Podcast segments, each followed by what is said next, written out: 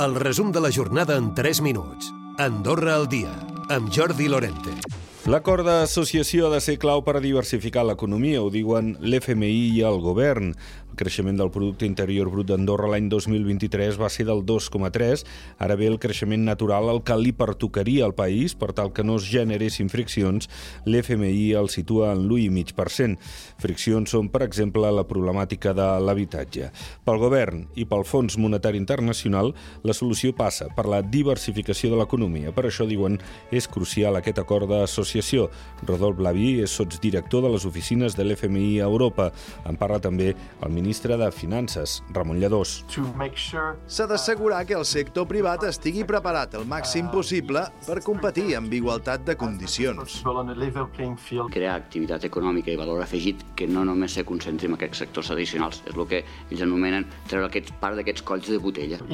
Durant la transició hi haurà sectors que es veuran més afectats que altres i les polítiques públiques ho hauran de tenir en compte. Obrir nous sectors econòmics que no siguin tan consumidors, una altra manera de veure tants consumidors de recursos en mà d'obra, en recursos naturals.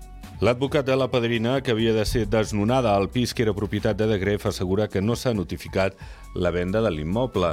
És Pere Cristòfol. No hi havia hagut cap notícia en el procediment en cap dels dos procediments judicials de que s'hagués canviat la propietat de, de l'edifici, amb la qual eh, bueno, si entre el dia 18 de gener eh, que em diuen que aquest senyor eh, s'ha venut l'edifici i amb la data d'avui encara no s'ha pogut escripturar, doncs jo què vol que digui, soc molt escèptic.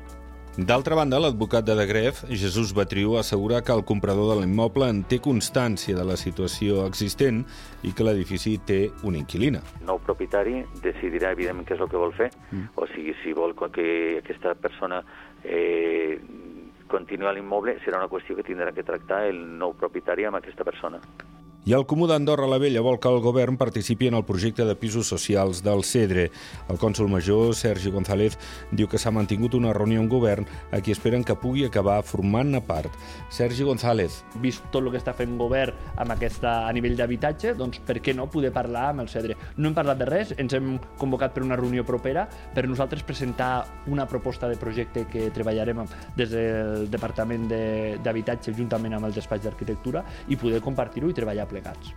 Un comú, el d'Andorra la Vella, que ha aprovat un pressupost per enguany de 53 milions d'euros. La Massana també aprovava les xifres d'aquest any, s'enfilen un 15% i depassen els 20 milions d'euros. Per cert, en aquests 4 anys, del 2024 al 2027, la Massana preveu una despesa de 8 milions d'euros en infraestructures hídriques. Recupera el resum de la jornada cada dia a AndorraDifusió.d i a les plataformes de podcast.